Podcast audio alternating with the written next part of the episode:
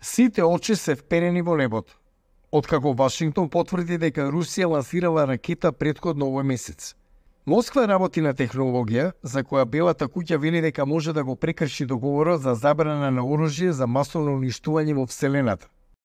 I can confirm that it is related to an anti- Можам да потврдам дека тоа е поврзано со антисателитскиот капацитет што Русија го развива. Сакам да бидам јасен за неколку работи. Прво, ова не е активен капацитет што е распореден. Иако руските намери се вознемирувачки, не постои непосредна закана за ничија безбедност. Не зборуваме за оружје што може да се користи за напад врз човечки суштества или за физичко уништување на земјата. Конгресот се состана на брифинг за затворени врати за ова прашање. Сите дојдовме со многу силен впечаток дека актуелната администрација го сваќа ова многу сериозно и дека администрацијата има план.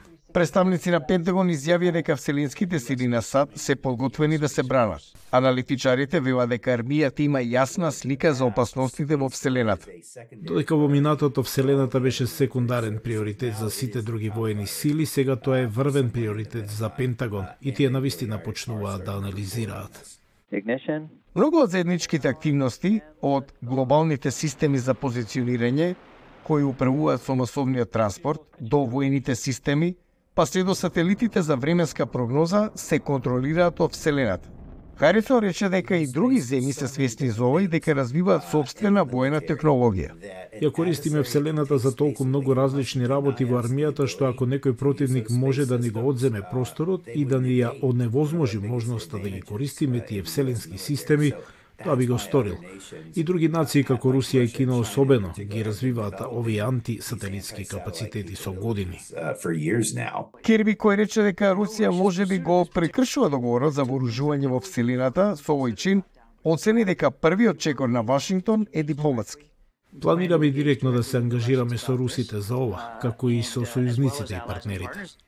Експертите за контрола на оружјето забележуваат дека договорот од 1967 не ги наведува последиците, но прекршувањето на договорот ќе ги алармира другите големи сили. This would affect the global economy, the uh, society writ large. Ова би се одразило врз глобалната економија. Кина би била длабоко загрижена, Индија би била исклучително загрижена, земји со кои Русија има подобри односи од колку тие со нас. Мислам дека би имало жестока реакција. Тоа може да биде доволно за да се охрабри Русија да се повлече од намерите. Um, that might be enough to encourage Russia to back down. И што сега? Одговорот е во Вселената. All engines at maximum thrust. We have liftoff of the 87th.